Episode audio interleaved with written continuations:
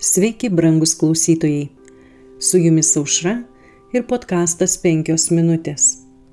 Dievo mokykla. Argi nežinote, kad jūs esate Dievo šventikla ir jumise gyvena Dievo dvasia. Pirmo laiško korintiečiams, trečios skyriaus 16 eilutė.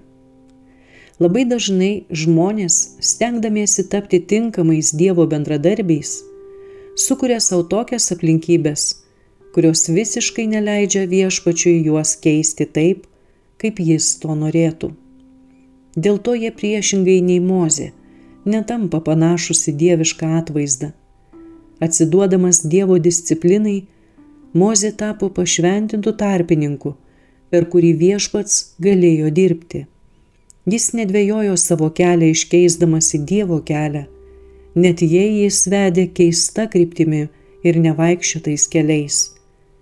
Mozė sugebėjo triumfuoti prieš visus savo priešus ne dėka savo išsimokslinimo Egipto mokyklose, bet dėka išliekančio tikėjimo, kuris nesuklumpa net pačiose sunkiausiose situacijose. Mozė elgėsi taip, lyg matytų neregimai Dievas neieško žmonių su tobulu išsilavinimu.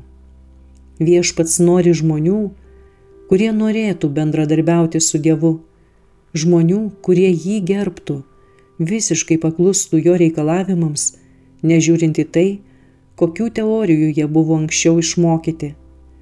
Daugelis ieškančių našumo Dievo darbe, tobulindami savo išsilavinimą žmonių mokyklose, pamatys, kad jiems nepavyko išmokti pačių svarbiausių pamokų, kurių išmokytų pats viešpats. Nepasiduodant šventosios dvasios įtakai, negyvenant paklusnume Dievo reikalavimams, jų dvasinis našumas susilpnėjo. Nebūdami Kristaus mokykloje, jie pamiršo mokytojo balso skambesi ir dėl to jis negali vadovauti jų kelioniai.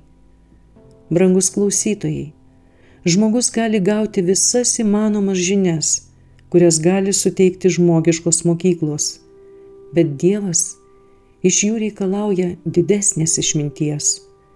Kaip moziai, jiems reikia išmokti romumo, širdies nusižeminimo ir nepasitikėjimo savimi. Netgi pats mūsų gelbėtojas, patirdamas išbandymą dėl žmonijos, pripažino, kad jis iš savęs negali nieko padaryti. Mes taip pat turime išmokti, kad vien žmogiškume nėra jėgos. Žmogus tampa efektyvus, tapdamas dieviškos prigimties dalininku. Su jumis buvo podkastas penkios minutės ir užra.